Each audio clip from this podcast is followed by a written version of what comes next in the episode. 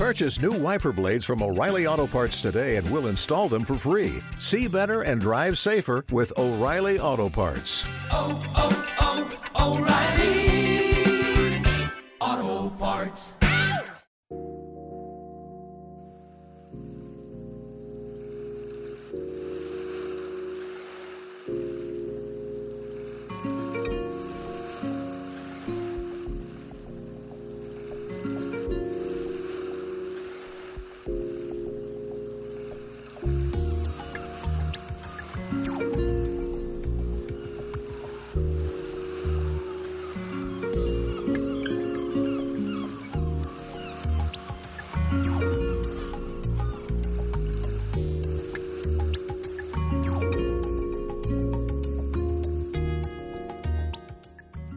Tornem a estar aquí. Passen 5 minutets de les 12, som els de 5 i la torna. Recordeu, aquells que portem aquí des de les 10, compartint aquest matí de diumenge amb tots vosaltres. Quan sentiu aquesta sintonia que, que sona, és relaxant, és, és emotiva, és la sintonia del Salut Natural amb la Gemma Galí. Gemma, bon dia. Bon dia. Avui, a més a més, avui ens portes un tema que, que va d'acord amb aquesta música, no? Sí, Perquè veig que aquí en el guió es porta la felicitat. la felicitat. És sí, sí, difícil això, eh? Sí. No tant com sembla. No tant com sembla. Ja, ja anirem donant aquí uns quants apunts. Perquè, perquè què és la felicitat? és difícil dir-ho, perquè també és una cosa molt subjectiva. Perquè per cadascú és diferent. clar, clar. Però a veure, definició del diccionari, la felicitat, la felicitat és l'estat de, de l'ànim plenament satisfet. Estat de l'ànim plenament satisfet. Què vol dir exactament això, no? Tampoc queda molt clar, no? No? I cadascú se'l satisfà de Ah, diferents exacte, maneres. no tothom eh, el satisfà el mateix, no? Però bé, mira, ho contraposem a el que vol dir plaer. Perquè a vegades associem la felicitat amb plaer. I no té per què ser així. Evidentment, les coses que ens donen plaer també ens donen felicitat. Però no només. Perquè el plaer seria una cosa més puntual. El plaer, segons definició de diccionari, aquí sí anem a buscar algú més objectiu, és viva satisfacció dels sentits o de l'ànim provocada per la possessió o per la idea de quelcom agradable i atractiu. O sigui, el plaer sempre és algo positiu i és al- algo agradable. I puntual, perquè és una viva satisfacció dels sentits provocada per alguna cosa en concret, no? Per tant, no pots estar constantment sentint plaer, però sí pots estar constantment feliç. És diferent. La felicitat no vol dir que tot hagin de ser coses positives. La felicitat aniria per eh, viure bé o viure plenament tot allò que ens passa, el bo i el dolent. Tot són circumstàncies de la vida. La vida és impossible que tot vagi bé. No, no, sempre... Sempre hi ha coses que no ens agraden, però Sempre. bueno, també les hem de viure. Hem d'acceptar allò que ens, que ens passa i, i bé, i si, i si podem posar-hi solució, li posem. I si no, potser hem de canviar altres coses. Vols dir que la, la felicitat és això que acabes de dir tu, o sigui, acceptar el que ens passa. Quan un no accepta el que li passa, llavors és quan no és feliç. Sí, sí, sí. Quan tu no acceptes el que, el que, el que et passa, és molt difícil. Jo no dic que sigui impossible, perquè impossible en aquesta vida hi ha molt poques coses, però és molt difícil, perquè quan no acceptes alguna cosa ho estàs negant. Però ho estàs negant a vegades de manera racional. Però el teu cos, o, la te, o ti- instintivament, tu estàs patint. Tu dius, no, no, això que ha passat, el que sigui, eh? Doncs, per exemple, ara que estem en una època difícil, no?, en temes de feines i temes econòmics, no?, doncs algú que perd una feina i no ho accepta, l'has perdut. O sigui, el que passa és el que passa. I no és mai... A la... O sigui, el, allò que ens fa sentir a nosaltres, com, com... Més ben dit, a veure... L'important no és el que ens passa. L'important és com vivim allò que ens passa. Perdre una feina per una persona serà un drama. Per una, per una altra persona pot ser una oportunitat per fer coses diferents. Perquè també, a veure, una feina, depèn de la feina, no? Hi ha gent que la feina és simplement un lloc on te vas a passar hores per uns diners però que no t'aporta res, que no t'agrada, perquè quanta gent hi ha Sí, que pot dir sí. que la seva feina és... està fent una feina que li agrada i que el satisfà. Per sort n'hi han, ha, però no ha- tothom. Però no tothom. No això tothom. Jo, jo ara que t'escoltava tu recordava que eh, quan, quan estudiava tenia un professor que deia, diu, davant de, de la vostra vida, diu, sortiran molts problemes. Diu, tranquils. Si tenen solució, trigareu més o menys, però la trobareu. Si no tenen solució, per més que hi trenqueu les banyes, no té solució. Amb la qual no us preocupeu. Deixeu que les coses flueixin. A veure, tampoc es tracta de no preocupar-se, però sí de fer alguna cosa. Si una cosa no té solució, bueno, doncs no en té, però igual pots fer-ne una altra. Accepta-ho, accepta-ho. Això físicament, quan tenim un dolor a vegades, un dolor físic, a vegades és una resistència, no?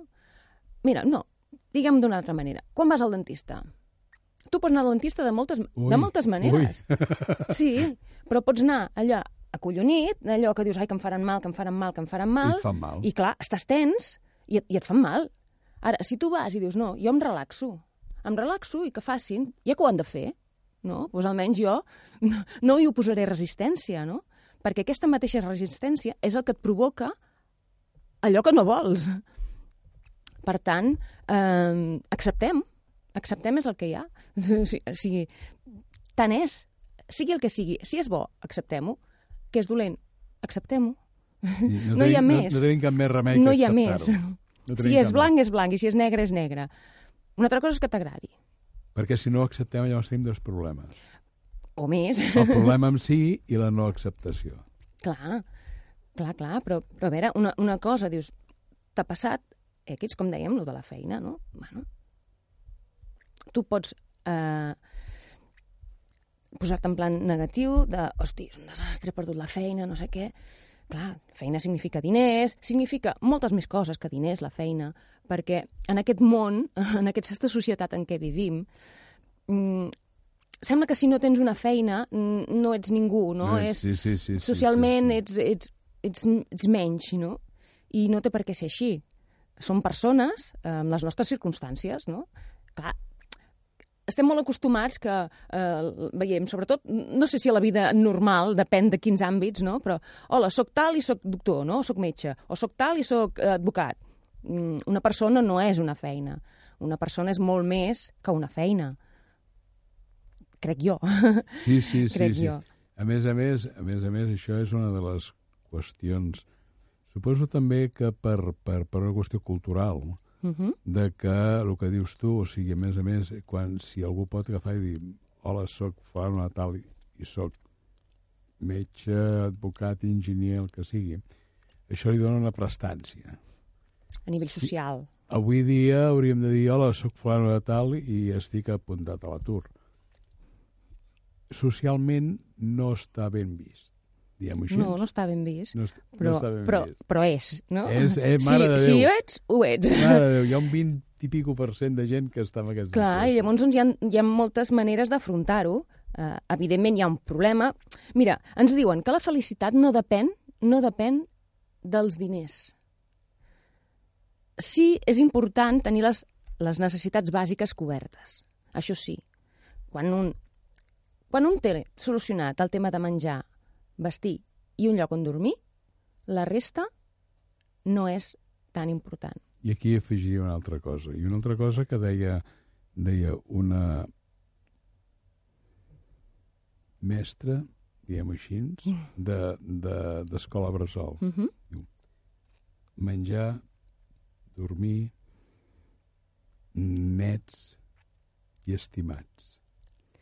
Sí, això és molt important. Però ara estava parlant de coses bàsiques, coses materials.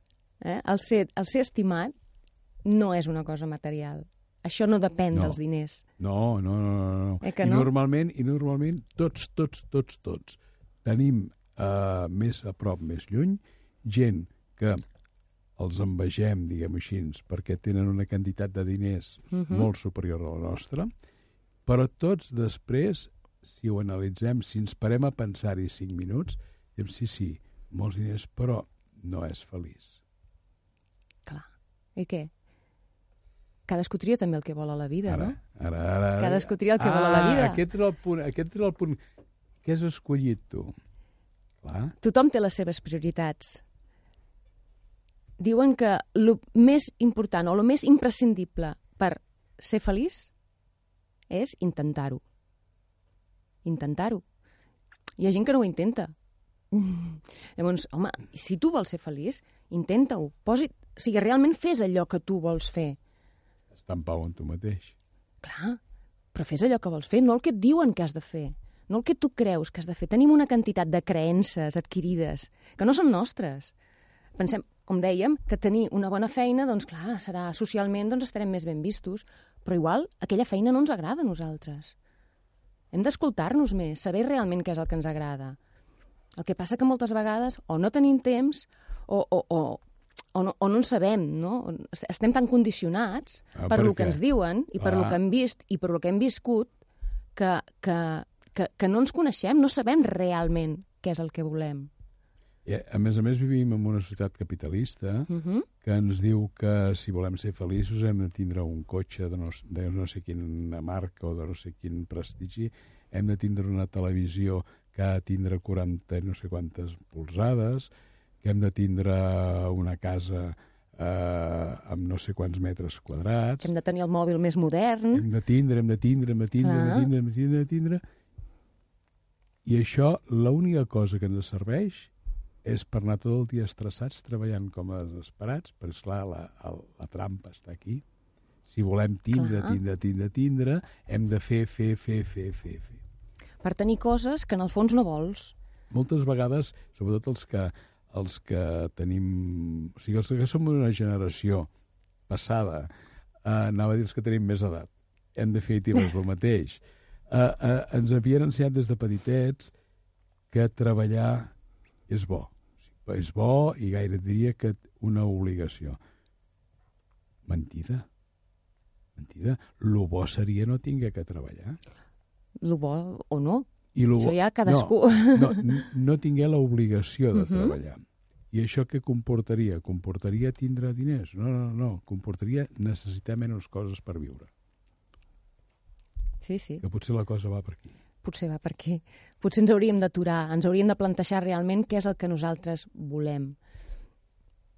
Molts cops, com dius, ens deixem dur i, i, i acabem comprant i acabem, acabem desitjant coses que no necessitem i que no ens satisfan. Perquè un cop ho tens, resulta que no, que allò ja està, que ja hi ha un sortit una altra cosa que, que és més moderna o és més ràpida. O, i, amb la qual és una insatisfacció contínua. És que mentre vas parlant vaig recordant gent que, que en un moment donat t'ha dit coses i parlant de la felicitat dèiem eh, clar, normalment sempre quan parlem així a, a, normalment a, al voltant d'un cafè o, eh, i parles de la felicitat sempre ens, ens ve al cap els diners, les coses Uh -huh. i llavors eh, hi havia un personatge que em deia, diu, a veure, diu, diu, el que és més feliç, diu, és aquell que no té res. Què vols dir això? Diu, sí. Diu, perquè el que no té res no té por de perdre-ho. Diu, en canvi, el que té moltes coses sempre té la por de dir, ostres, i si resulta que ve una crisi i, i, i se m'ho emporta tot? Aquest té por, no és feliç, pateix.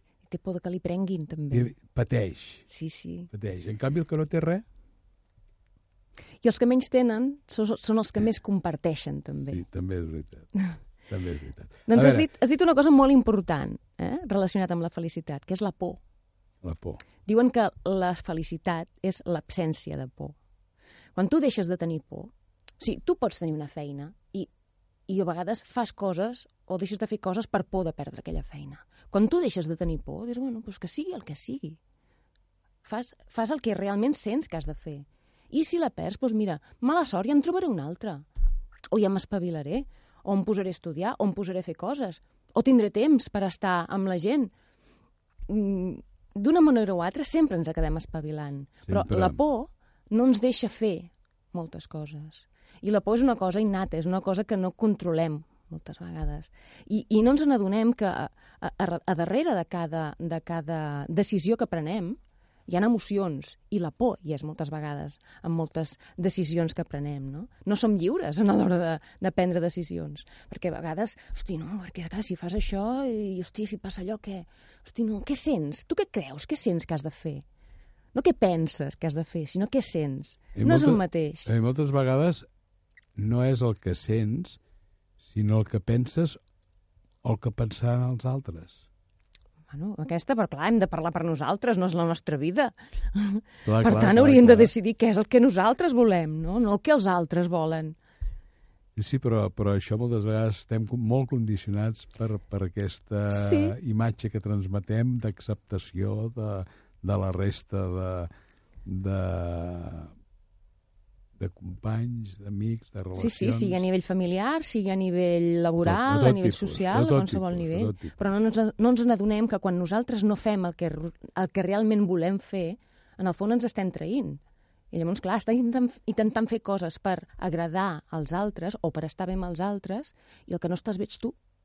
Quantes vegades hem escoltat dir eh, pares, mares, que, que bé, que han aconseguit tindre, tindre moltes coses, Sí. i diu, però m'he perdut la, la infància dels meus fills.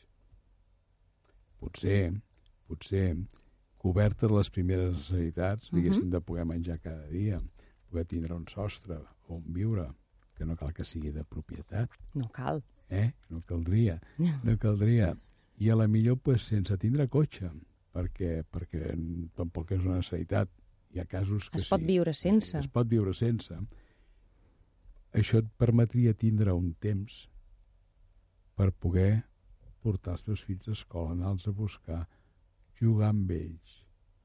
I això, el fotut és que quan te'n dones compte és quan ja no pots ni anar-los a buscar a escola, ni, a ni portar-los a escola, ni jugar amb ells. Uh -huh. I dius, m'he perdut tota aquesta part? I dius, i per què? Perquè no ens n'adonem, no ens n'adonem d'això. I, i, I realment, eh, quan te n'adones, és, és, és fotut, perquè dius, hòstia, és que ja... Què, què has fet amb la teva vida, no? Quan te n'adones és, quan, és quan vida? ja has cremat dos terços, com a mínim, de la teva vida, i dius, ja me'n queda un terç, i aquest terç ja... O sigui, el que he perdut no ho recuperaré. No, però a partir d'aquell moment, en el partir del moment en què te n'adones, doncs, bueno, intenta canviar alguna cosa, no? sí. El que ja està fet, ja està fet. Sí, Si no es pot tirar enrere. El que està fet, està fet. Però sí podem intentar canviar coses. Llavors, mm, pensem-hi. Si més no, pensem-hi. Pensem per què fem les coses. Pensem-hi. Mm, Quan decidim. Per què decidim el que decidim. Si més no, pensar-hi. Aquí veig que em posen els factors externs i factors interns, Uh -huh. alguns dels que, dels que hem estat Sí, parlant. sí, del que hem estat parlant, no? Per, precisament per això dèiem que el, el, el que el que realment és important no és el que ens passa, sinó com actuem o com vivim allò que ens passa. El que ens passa serien els, els factors externs i, i, i els interns serien el, el com ho vivim. Per tant, les coses externes, tant siguin materials com circumstàncies, com el que sigui, poden tenir un, un component o poden co- col·laborar a ser més feliços o no. Depèn de com nosaltres ho visquem. I en aquí, clar, parlàvem de feina, de salut, la salut també, la família, diners, la cultura... Són tota una sèrie de coses que tenim com, com pensant que tot això eh, ens, ens aportarà i ens donarà felicitat, no? Depèn. això depèn. Com dèiem, és una cosa molt subjectiva i depèn de com ho visquem. Mira, en aquest punt, en aquest punt eh, recordo quan, quan parlem del tercer món, hem d'anar a civilitzar la gent que viu al centre de l'Àfrica o aquelles tribus de l'Amazones. Sí, clar, perquè pobrets no en saben. I dius, eh, val la pena que els hi, els hi portem tot, tot lo d'aquí els hi portem en allà. Potser hauríem d'aprendre moltes Veri- coses. Fa falta que, que els enverinem amb tot el verí que ja portem en aquí? Evidentment, evidentment que tenen un altre tipus de viure, que a nosaltres ens és diferent, Uh -huh. però perquè són més feliços que nosaltres. perquè resulta que tenen una cabana feta de fang, o tenien, i es dedicaven a caçar al bosc lo suficient indispensable per poder menjar, i el resto del dia se'l passaven estirats mirant el sol i les estrelles. I dius, que vagos, no treballen. No, senyors, viuen. Viuen, viuen. Viuen. I nosaltres ens n'oblidem molts cops de viure. viure, viure, viure el moment. Viure el moment. Moltes vegades estem pensant en el, en el més enllà, en el, el més endavant, no? I ens n'oblidem de viure i de viure el moment. Diuen que és important viure a l'aquí i ara. Això és important. Perquè no, no està... bueno, és important, és important tot, no? Però estem moltes vegades, no estem en, en el lloc i en el moment. Estem més endavant, o estem pensant en el que farem després, o estem pensant en el que ens pot passar. En el que ens pot passar. I estem de cos present, però de cap absent. Sí, totalment. I te n'oblides i, ostres, no, estigues ara, amb el bo i amb el dolent. Quan, quan estàs bé, doncs, hosti, ad- adona-te'n, no? Disfruta-ho. I quan estàs malament, adona-te'n també que estàs malament, accepta-ho. El que dèiem abans, accepta que estàs malament i, ja veuràs com passarà. Tot passarà. Però passa per l'acceptació. No passa res, tothom pot tenir mal dia, tothom pot tenir mal moment. Però si no ho acceptes, és com, "Eh, no, no, no, no, he de fer veure que no. Doncs pues no passa res. A vegades dius, mira, doncs ho sento. Tinc un mal dia, estic emprenyat per X coses i ja està. M'ho permeto, m'ho permeto i ja se'm passarà. Jo m'ho permeto, permeteu-vos vosaltres. Em regalo un dia d'emprenyament. Clar que sí. Clar que sí, tenim el dret, no? Sí, sí, o estar sí. tristos. Estar tristos. Per què no podem estar tristos? Per què hem d'estar sempre contents i feliços? No. Podem estar tristos, també. Perquè la, la imatge que sempre ens han venut, que és la imatge agradable i la que tothom vol tindre, és aquesta persona afable, eh, cordial, alegre, dinàmica... Clar, i si estàs trist, doncs apa, et donen pastilles perquè no estiguis trist. Dius, home, no. és normal, és normal. Evidentment, hi ha casos més greus en què sí que requereixen sí, ja Sí, sí, sí. No, però estem parlant, estem medicació, parlant de, de coses però, normals. però no, no, no, hi ha coses que són naturals, no? Estàs trist perquè t'ha passat alguna cosa. A vegades estàs trist i no t'ha passat res, però estàs trist, doncs no passa res. Avui estic trist. Quantes vegades, quantes vegades han fet el comentari de que doncs, aquells dies, anava a dir d'hivern, però és igual, aquells dies eh, grisos, que mig plovisqueja, que dius, no sé què passa, però estic trist. Eh, Sí, ens falta alguna cosa, Falta- però Bé. bueno, o estàs melancòlic. o- I això ens permet després valorar més aquell dia que surt el sol, surt la llum, ens carrega les piles i, i, i ens bueno, i estem espitosos a més no poder. Clar, però fixem-nos també, i en els dies grisos, segurament igual hi ha un cel maquíssim, molt gris, però, ostres, igual hi ha una llum també especial, no? Mm, Hi ha meravellosos dies de dintre pluja. del, clar, dintre de les coses aparentment lletges o no agradables, sempre hi han cosetes maques. A veure, com dèiem, un, no? Diu, un, un, un bosc cremant pot ser horrorós, depèn de com tu miris. Home, però el foc també és una cosa tan, tan magnètica que, hosti, pot ser bellíssim, no? Observar com crema una cosa. Encara que després penses, hosti, no, això no s'hauria de cremar, perquè, hosti, no... Clar, però també Sí, pot sí. ser maco, no? Sí, sí, sí, sí, sí. Bueno, simplement sentim-ho, deix Hi ha un deixem, deixem-nos sentir això. Hi ha un punt que, que aquí ens l'hem saltat, hem passat per sobre, Mhm. que és el de cooperar. Cooperar, Cooperar. cooperar, compartir, com dèiem, la gent que menys té, més s'ajuda. No tens por que et prenguin el que tens, perquè en el fons no tens res, I a no? més a més... A més, necessites. és, un, és una, una acció que normalment sol durar moltes satisfaccions. Si tu tens moltes coses i no les pots compartir amb ningú, què? Que trist, sí, no? Sí, sí, sí, sí. sí. Que trist. Doncs No. està bé tot el que tinguem poder-ho compartir. Compartir amb qui vulguis. Compartir amb la família, compartir amb els amics, compartir amb els cadascú- desconeguts, és igual. Cadascú té, té el seu la seva forma de ser i compartirà amb diferents. I, I no vol dir compartir coses materials, es pot No, no, compartir no. altres coses. Tu estàs content, comparteix la teva alegria. Ves somrient pel carrer i veuràs com et miren raro molta gent. Però hi Sí. haurà gent que no, que dius, "Hosti, mira, doncs, també els hi canvia la cara. Dius, mira, Normalment, normalment si, si anem pel carrer i veiem algú que va rient, que Mhm. va alegre així, eh, si es si va molt somrient i així ens pensem aquest té algun problema de Està cap, malament, que està malament. Està malament. No està, pensem que és feliç. està no, no, pensem... No, no, no. la, la primera opció és aquesta. Sí, sí. Després potser canviarem, però la primera opció és dir que aquest hauria d'anar al psicòleg perquè això d'anar rient pel No carrer és, no, normal, no és normal. No és normal, no és el que toca. En canvi, si en trobem un d'emprenyat, doncs, ni ens hi fixarem, perquè és normal, no? Perquè en passen 30.000. Clar. En passen 30.000 d'emprenyats, i llavors això no ens motiva, no? A més, l'alegria es contagia. Es contagia. Per tant, home, no ens contagiem només lo dolent, contagiem-nos també les coses agradables. Provem-ho alguna vegada quan estiguem reunits en una taula. Eh, eh, N'hi ha un que comença a riure, Uh -huh. eh, i això és un altre tema, allò de la risoteràpia, però hi ha un que comença a riure i veureu que, que s'encomana. S'encomana, s'encomana. s'encomana. I automàticament al final acabes tots rient. I, una, relax, una relaxació, una relaxació tremenda. Sí, sí. Mentre estem rient no estem pensant ni en l'hipoteca ni en la feina. Perquè estem vivint en el moment. Estem aquí, ara. I llavors no pensem en les coses més enllà, perquè estem justament vivint el moment.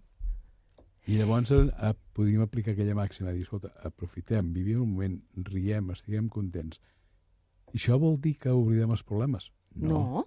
Això vol dir que els posem en el seu lloc.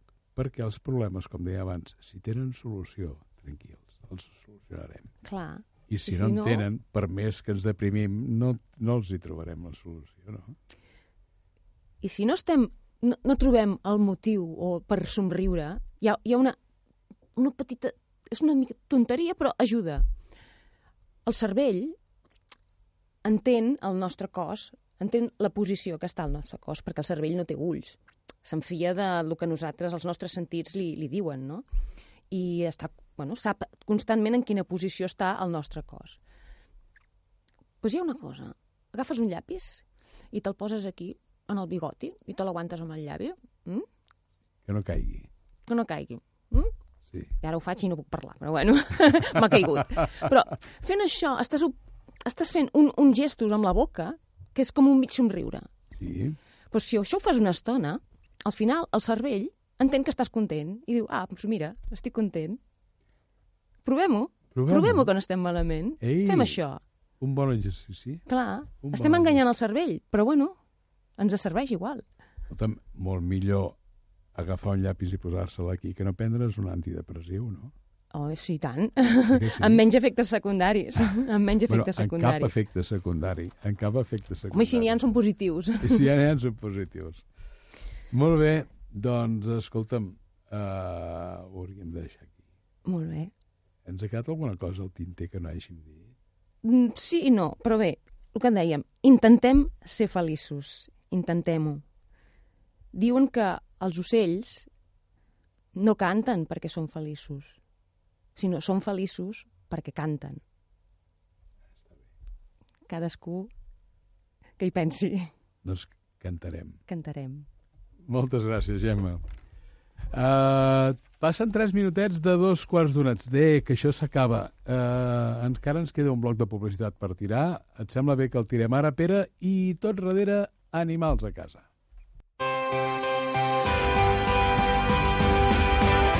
Mataró Ràdio, novena temporada.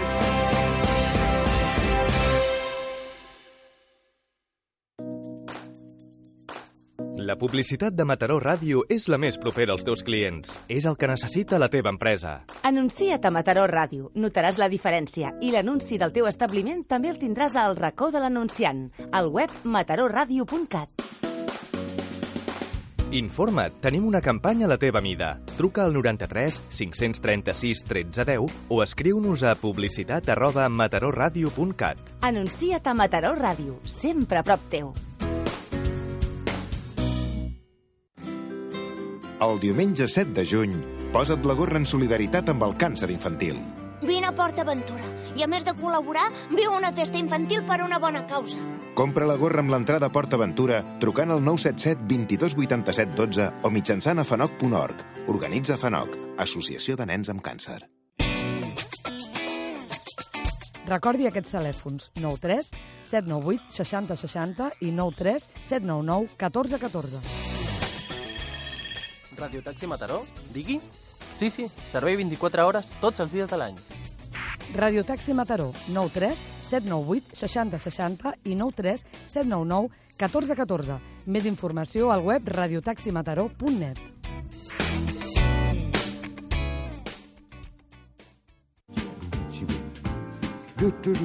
Ja han esclatat tots els colors de la primavera a Passy Garden Home. Via, via, vieni via con me. Vine amb nosaltres i descobreix els més innovadors mobles de jardí, complements i el meravellós espectacle de la natura i a uns preus irresistibles. Emporta't a casa la primavera de Passy Garden Home. Obrim tots els dies i no tanquem al migdia a la Ronda dels Països Catalans 11 Mataró. Passy Garden Home. Passió per la jardineria. Cada dia, a partir de les 7 del matí i fins a les 10, escolta Benvinguts a Pitrònia, els temes i l'actualitat del dia, on l'oient posa la veu trucant al telèfon del directe. Benvinguts a Pitrònia, dirigit i presentat per Pere Sánchez. Així, doctora, quin és el meu tractament?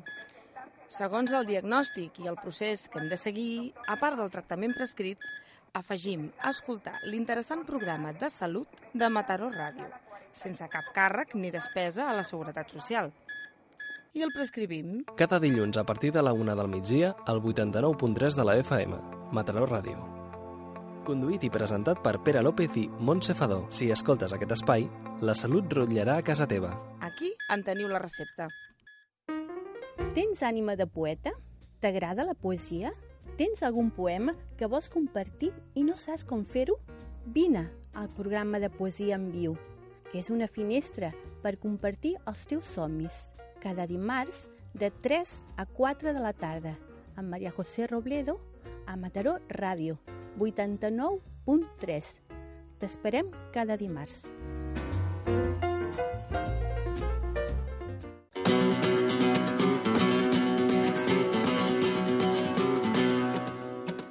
Tots els dimecres, a les 22 hores, Rafael Ángel Acedo, amb Duende i Compàs, et portes a les arrels del cante flamenco.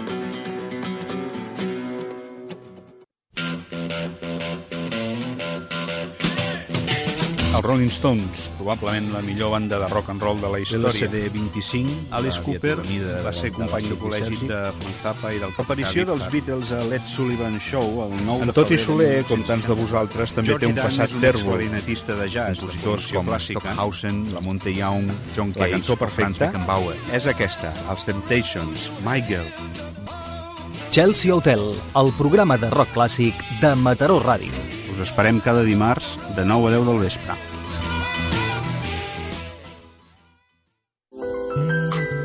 El somni del Minotaure, un programa de difusió cultural on els llibres, l'art i la música en són els protagonistes. Produït i realitzat per Emília Llamola i presentat i dirigit per Joan Poc. Els dimecres, a les 6 de la tarda.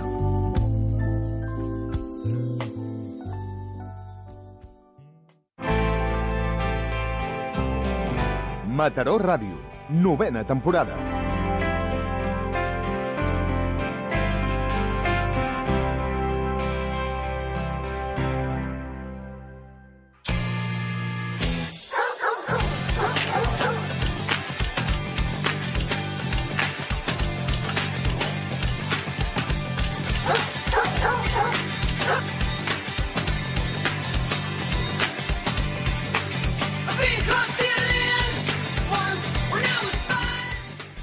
Senyor, aquesta és la sintonia dels animals a casa, que avui avui no tenim el Marc Romagosa, sinó que tenim a la Nuri. Nuri, bon dia. Bon dia, Jordi. Bon dia. Escolta'm, de què parlarem avui? Vinga. Doncs avui parlarem del precís moment en què, bueno, d'una mica abans de que entri el gos a casa. Una miqueta abans, just en el moment en què decidim que tenim un gos i hem de decidir a on anar-lo a buscar, Ah, bé. Que també és una decisió molt important i moltes vegades eh, li dediquem poc temps. Volem un gos i, no sé, anem a buscar el llitet i la menjadora i anem a buscar utensilis, però on anem a buscar el gos? Aquesta seria la pregunta que avui m'agradaria intentar contestar. Perquè, eh, una pregunta. El, go- el gos es compra? El gos es pot comprar. I tant. Hi ha gossos en venda, hi ha animals en venda, i gos es pot... Eh, o sigui, tenim diverses opcions. Una és l'adopció, que, que és una opció molt, molt recomanable, i és una adopció, l'opció que, que, que moltes vegades la gent coneix més, però també hi ha botigues que compren gossos i es venen gossos, i també hi ha criadors que es dediquen a criar els gossos de raça, i tu pots anar a un criador d'una raça determinada i anar-li a comprar directament un gos. I aquesta opció és poc coneguda, la d'anar a comprar directament al criador. Normalment la gent tria entre anar-lo a buscar una protectora o anar-lo a comprar a una botiga. Llavors, Digues. Coses que poden passar. Si anem a buscar una protectora, home, doncs salvem la vida d'un animal que no, té, que no ha tingut molta sort. Que pel que sigui, perquè el seu amo l'ha abandonat, perquè s'ha perdut, per les situacions que sigui, doncs estan allà, no té, ja està en aquest món i no té possibilitats. Jo d'entrada és l'opció que més recomanaria. També s'ha de tenir en compte coses. Quan anem a buscar un gos a una protectora, aquell gos moltes vegades és un gos adult, en qualsevol cas no és un cadell, encara que sigui jovenet, i té un passat, aquest gos ja ha viscut coses. Hem d'estar disposats a introduir un animal a dins de casa que probablement ha viscut males experiències i que, per tant, és possible que els primers temps no siguin còmodes, no siguin fàcils. No tinguem el cadellet jugador i content, que estigui enamorat de tothom. Tindrem un gos que ja li han fet una mala passada, que ja sap el que és abandonar. Sí. Amb la qual tenim un gos que abans que no s'acabi de creure que li ha canviat la vida, doncs es treu una temporada una miqueta difícil, una miqueta rebel, potser, fins i tot. Després d'aquesta època, després d'aquesta època tindrem el gos més agraït del món. Per què? Justament perquè ja sap quina és l'altra cara de la moneda. Sap valorar, sap valorar el que té. Llavors. Exacte. Llavors aquí potser sí que necessitem una miqueta més de paciència, una miqueta més de treball al principi, però rebrem moltíssim més del que hem donat. Següent opció, anar a una botiga a comprar. Tot i que hi ha botigues que estan fent una feina excel·lent en aquest sentit, és l'opció amb la que haurien d'entrar-hi amb més precaucions. Per què?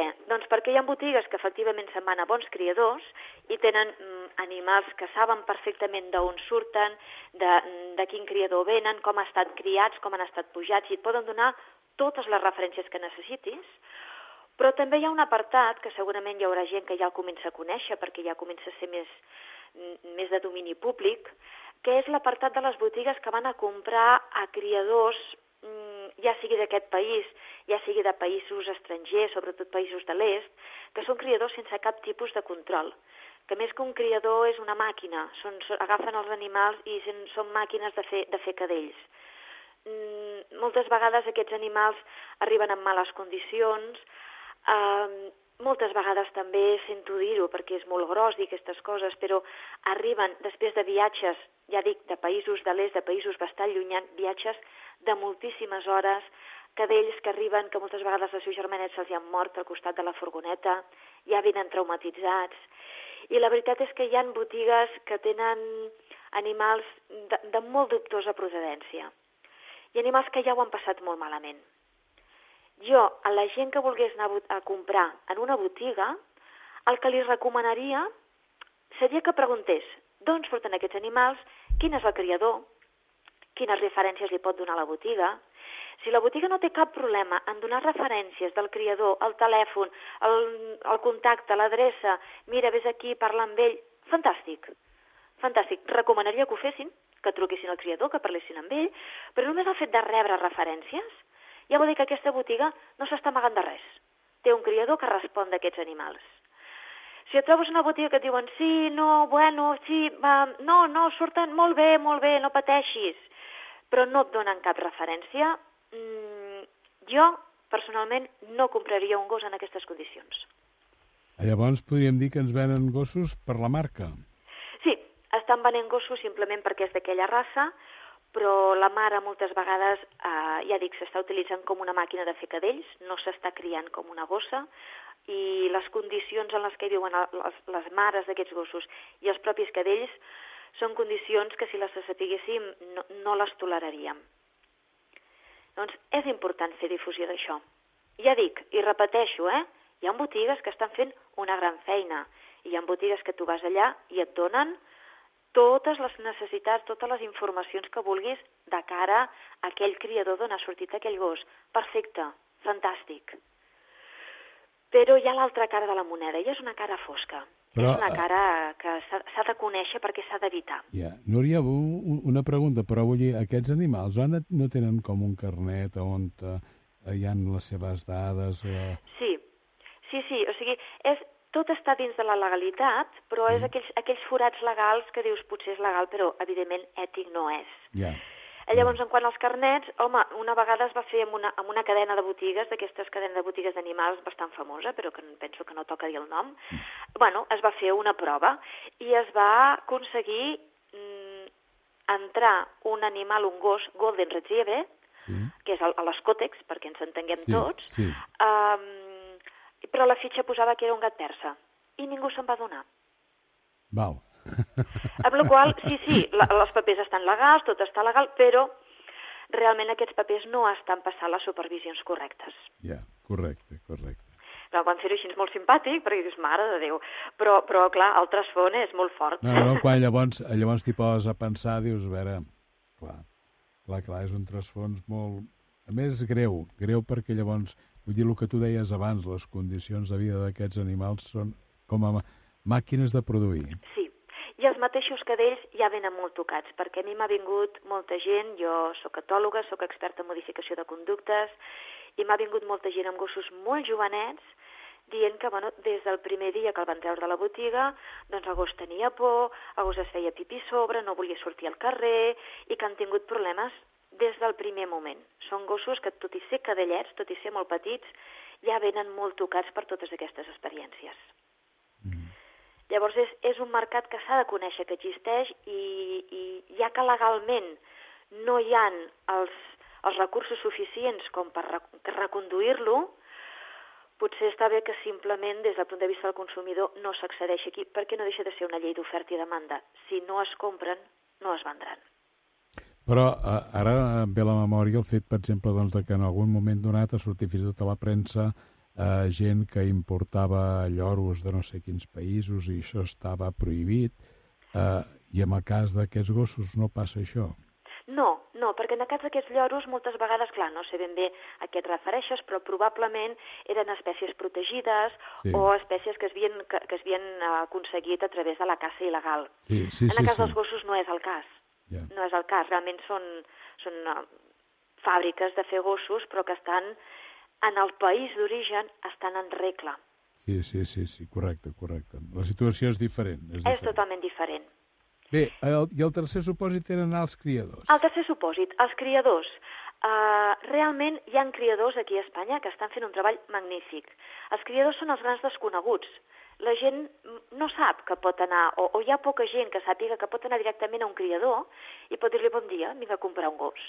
Però sí, pots anar directament. I els criadors normalment el que tenen els bons criadors és que et deixen entrar a casa, et deixen veure els pares, et deixen veure el pare del gos, la mare del gos, et deixen veure els germans, t'expliquen com són el pare, com és la mare, t'expliquen doncs, quina, quina, eh, quin creuament s'han fet, si hi ha consanguinitat, que també és una cosa molt important en gossos de raça, la consanguinitat és molt perillosa, amb la qual un bon criador mai fa una gran consanguinitat, sempre vigila molt que pare i mare no siguin famílies ni directes ni, ni, ni, massa, que siguin com a mínim família molt llunyana, però que no tingui un parentès molt pròxim, perquè si no pots tenir problemes per qüestions genètiques.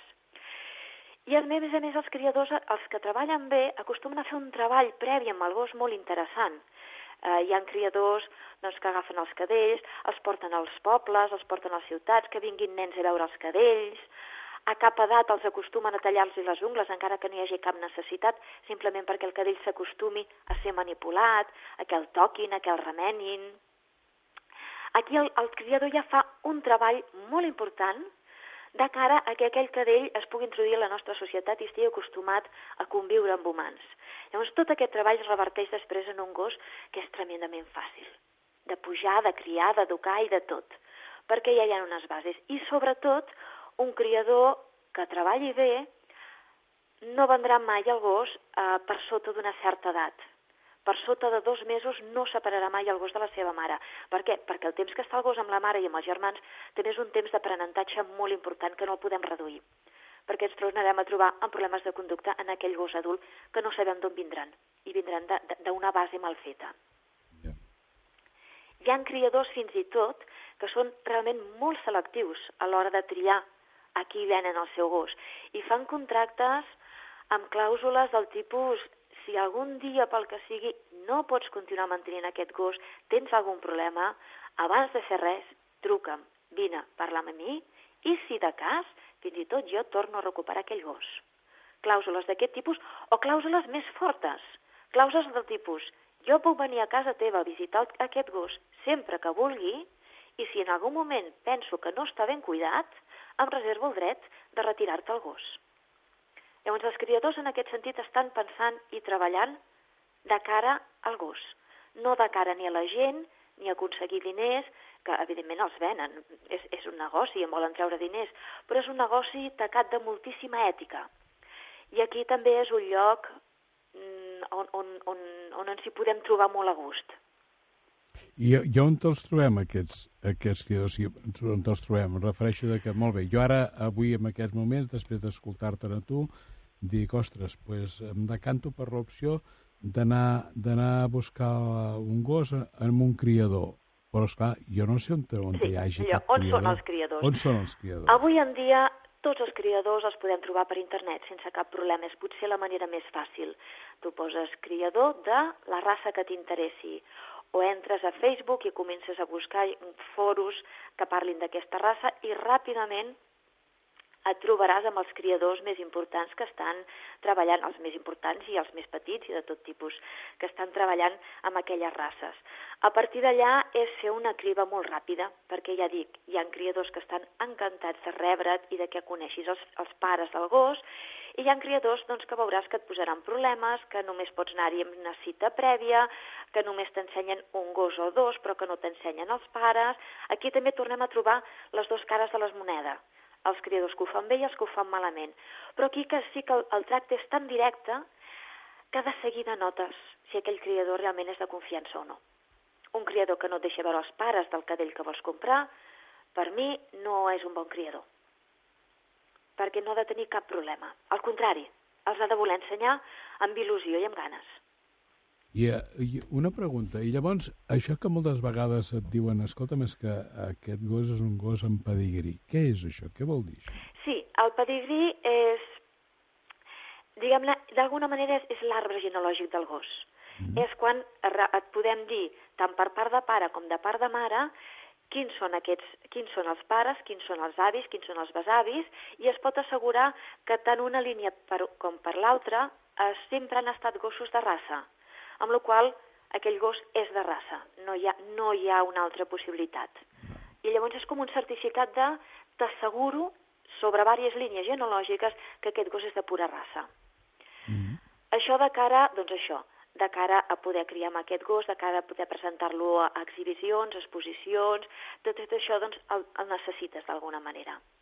I no deixa de ser una garantia també de que eh, tant per part de mare com per part de pare, durant diverses línies genològiques, aquests gossos han estat cuidats, doncs això, per gent que s'hi dedica, per gent que és coneixedora de la raça i per gent que sap què està tocant.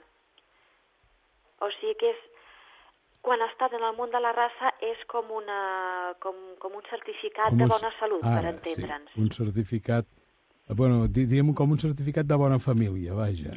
Sí, però més ampli que això, perquè no només és certificat de bona família, com molt bé dius, sinó que, a més a més, eh, un bon criador també t'ha de donar certificats de salut de malalties pròpies d'aquella raça. O sigui, un bon criador mai farà criar un animal que tingui una malaltia. I estic parlant de malalties eh, congènites. Sí, sí, sí, sí, sí. Llavors, eh, també un bon pedigrí t'informa que aquest animal que estàs, que estàs entrant a casa teva estarà lliure probablement d'aquestes malalties congènites perquè tant per part de mare com per part de pare l'arbre genològic està lliure d'aquestes malalties. No s'han introduït animals doncs, que, les, que les portaven i que per tant et poden, et poden sortir en el teu gos. I una, I una qüestió, després d'escoltar-te, per exemple, ara aquesta explicació que ens has fet, a mi se m'acut, I aquestes males praxis que, que denunciaves en el, en el tema de la botiga, sí. en el món del, del criador no hi és? Sí, sí, sí que hi és. Sí. Eh, ja he comentat que de seguida, al, al tenir un tracte més personal, de seguida notes una mica amb qui estàs. Un criador que et ve però només t'ensenya els cadells, no t'ensenya els pares, no et deixa veure les instal·lacions, no et deixa entrar, mm, és un criador que de seguida et malfiaràs d'ell. En canvi, un criador que t'obre les portes, que et deixa entrar, que veus les instal·lacions, que veus els gossos que té, que et diu, mira, veus aquesta gosseta que està allà? Doncs aquesta és la mare de les criatures que t'estic venent. Tot això de seguida veus quan és un criador doncs, que està treballant bé o que està treballant malament. Perquè un criador que està treballant malament eh, té animals que no confien en el ser humà que no els hi agrada al ser humà. Per què? Perquè el ser humà no els està tractant bé. Mm -hmm. Llavors són animals que no se t'acostaran tranquil·lament a saludar-te. A mi m'encanta quan vaig amb els criadors, entres i et trobes un munt de gossos d'aquella raça que et venen a saludar, contents, de, simplement de veure una persona. I et venen, en plan, hola, què tal? I tothom vol la seva ració de carícies, i tothom, tothom els seus mimos. Fantàstic. Aquests gossos, probablement, els seus cadells seran doncs, exactament iguals. Yeah. Gossos extrovertits que els agradi la companyia humana. Quan un criador no té aquest tipus de gossos, no els vol ensenyar. I llavors és quan et trobes aquesta frontera que ja dic, al ser el tracte més directe, de seguida notes que aquí hi ha alguna cosa que falla. Clar, esclar, esclar. Llavors, bueno, llavors entrem en dintre del tema de la professionalitat i d'altres coses, o, Exacte. o de la catadura moral de, cada, de cadascú. Sí, sí. Aquí estem barrejant molt professionalitat amb, amb, amb ètica i moral. Mm. Perquè moltes vegades el que se'ls demana com a bon professional és justet. És justet. Clar. I llavors doncs, et trobes això, els, els bons criadors doncs, que hi afegeixen ètica i moralment moltes més coses de les que se'ls demana per llei. I que allà sí que tens una combinació fantàstica. Eh, el que passa que, escoltant de tu, dic, a veure, eh, estem en uns moments que, per exemple, doncs, eh, a veure, ja sé que, que l'exemple sonarà malament, eh? Però bueno, resulta però segur que... que. Resulta de que, per exemple, amb la carn que mengem exigim una traçabilitat i una sèrie de coses i de més, i hem de saber si aquella, si aquella vaca eh, ha menjat herba i ha, i, ha, i ha pasturat i de més, i resulta que després amb els animals de companyia veig que la normativa o la legislació és molt més laxa. Sí, sí, perquè ja aquí, diguem-ne, les finalitats que es vol aconseguir amb una i una altra són molt diferents. A la que es parla de- d'alimentació, com que d'alguna manera és algo que va entrar a dins del nostre organisme, s'apliquen uns criteris de sanitat molt elevats. Per què? Perquè, en definitiva, allò, doncs, tu acabes menjant i acaba formant part de tu mateix i del teu organisme. Sí, però, Núria, eh, eh, abans parlàvem, abans de parlar de, dels animals a casa, parlàvem amb la Gemma Galí del Salut Natural i parlàvem de la felicitat i de més. A veure, potser, potser resulta que podem prescindir d'un tall de carn. I tant. Perquè, I, en canvi, no podem prescindir de la felicitat que ens pot donar un gos, eh? I tant. No, no, és que no ho estic, o sigui, no ho estic justificant, simplement ho estic explicant.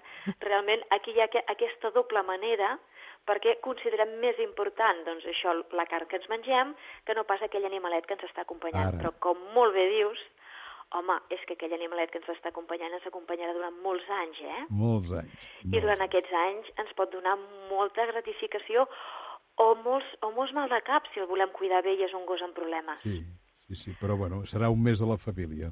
Sens dubte. Ho hauríem de deixar aquí, Núria. Molt bé, mira, si tenim 30 segons, Sí. m'agradaria fer una petició. Digues. M'agradaria, de cara al programa que ve i a futurs programes, una miqueta que la gent ens truqués i ens digués, ens convidés a parlar de temes, perquè nosaltres anem triant els temes en funció del que creiem que, que pot interessar, però a vegades no saps molt bé, i en aquí voldríem rebre una miqueta de feedback i que la gent ens expliqués o el seu cas personal o simplement temes generals dels que els agradaria saber més coses. Llavors voldria fer aquesta, aquesta convidada. Molt bé, d'acord, doncs queda feta. Queda Fantàstic. Feta. Perfecte, vinga. Moltes gràcies. Un petó, adéu, Adéu. moltes gràcies, adéu, adéu. Senyors, per avui tanquem, però això sí, eh, tornarem el proper diumenge quan siguin les 10 del matí. L'equip avui format pel Pere González als controls, la Marta Gómez a la producció, el Jordi Renyer Galí la producció musical, la Gemma Galí i la Núria. I qui us parla? En Jordi Renyer. Esperem que hagi estat tot del vostre gust, que tingueu una setmana de corpus fantàstica. I no és cap propaganda comercial. Sigueu bons. O no, que diuen que si no ets bo és més divertit. I com sempre diem, la terra que trepitgen els vostres peus és la d'un país sobirà, que es diu Catalunya. Que no us enganyin. Salut!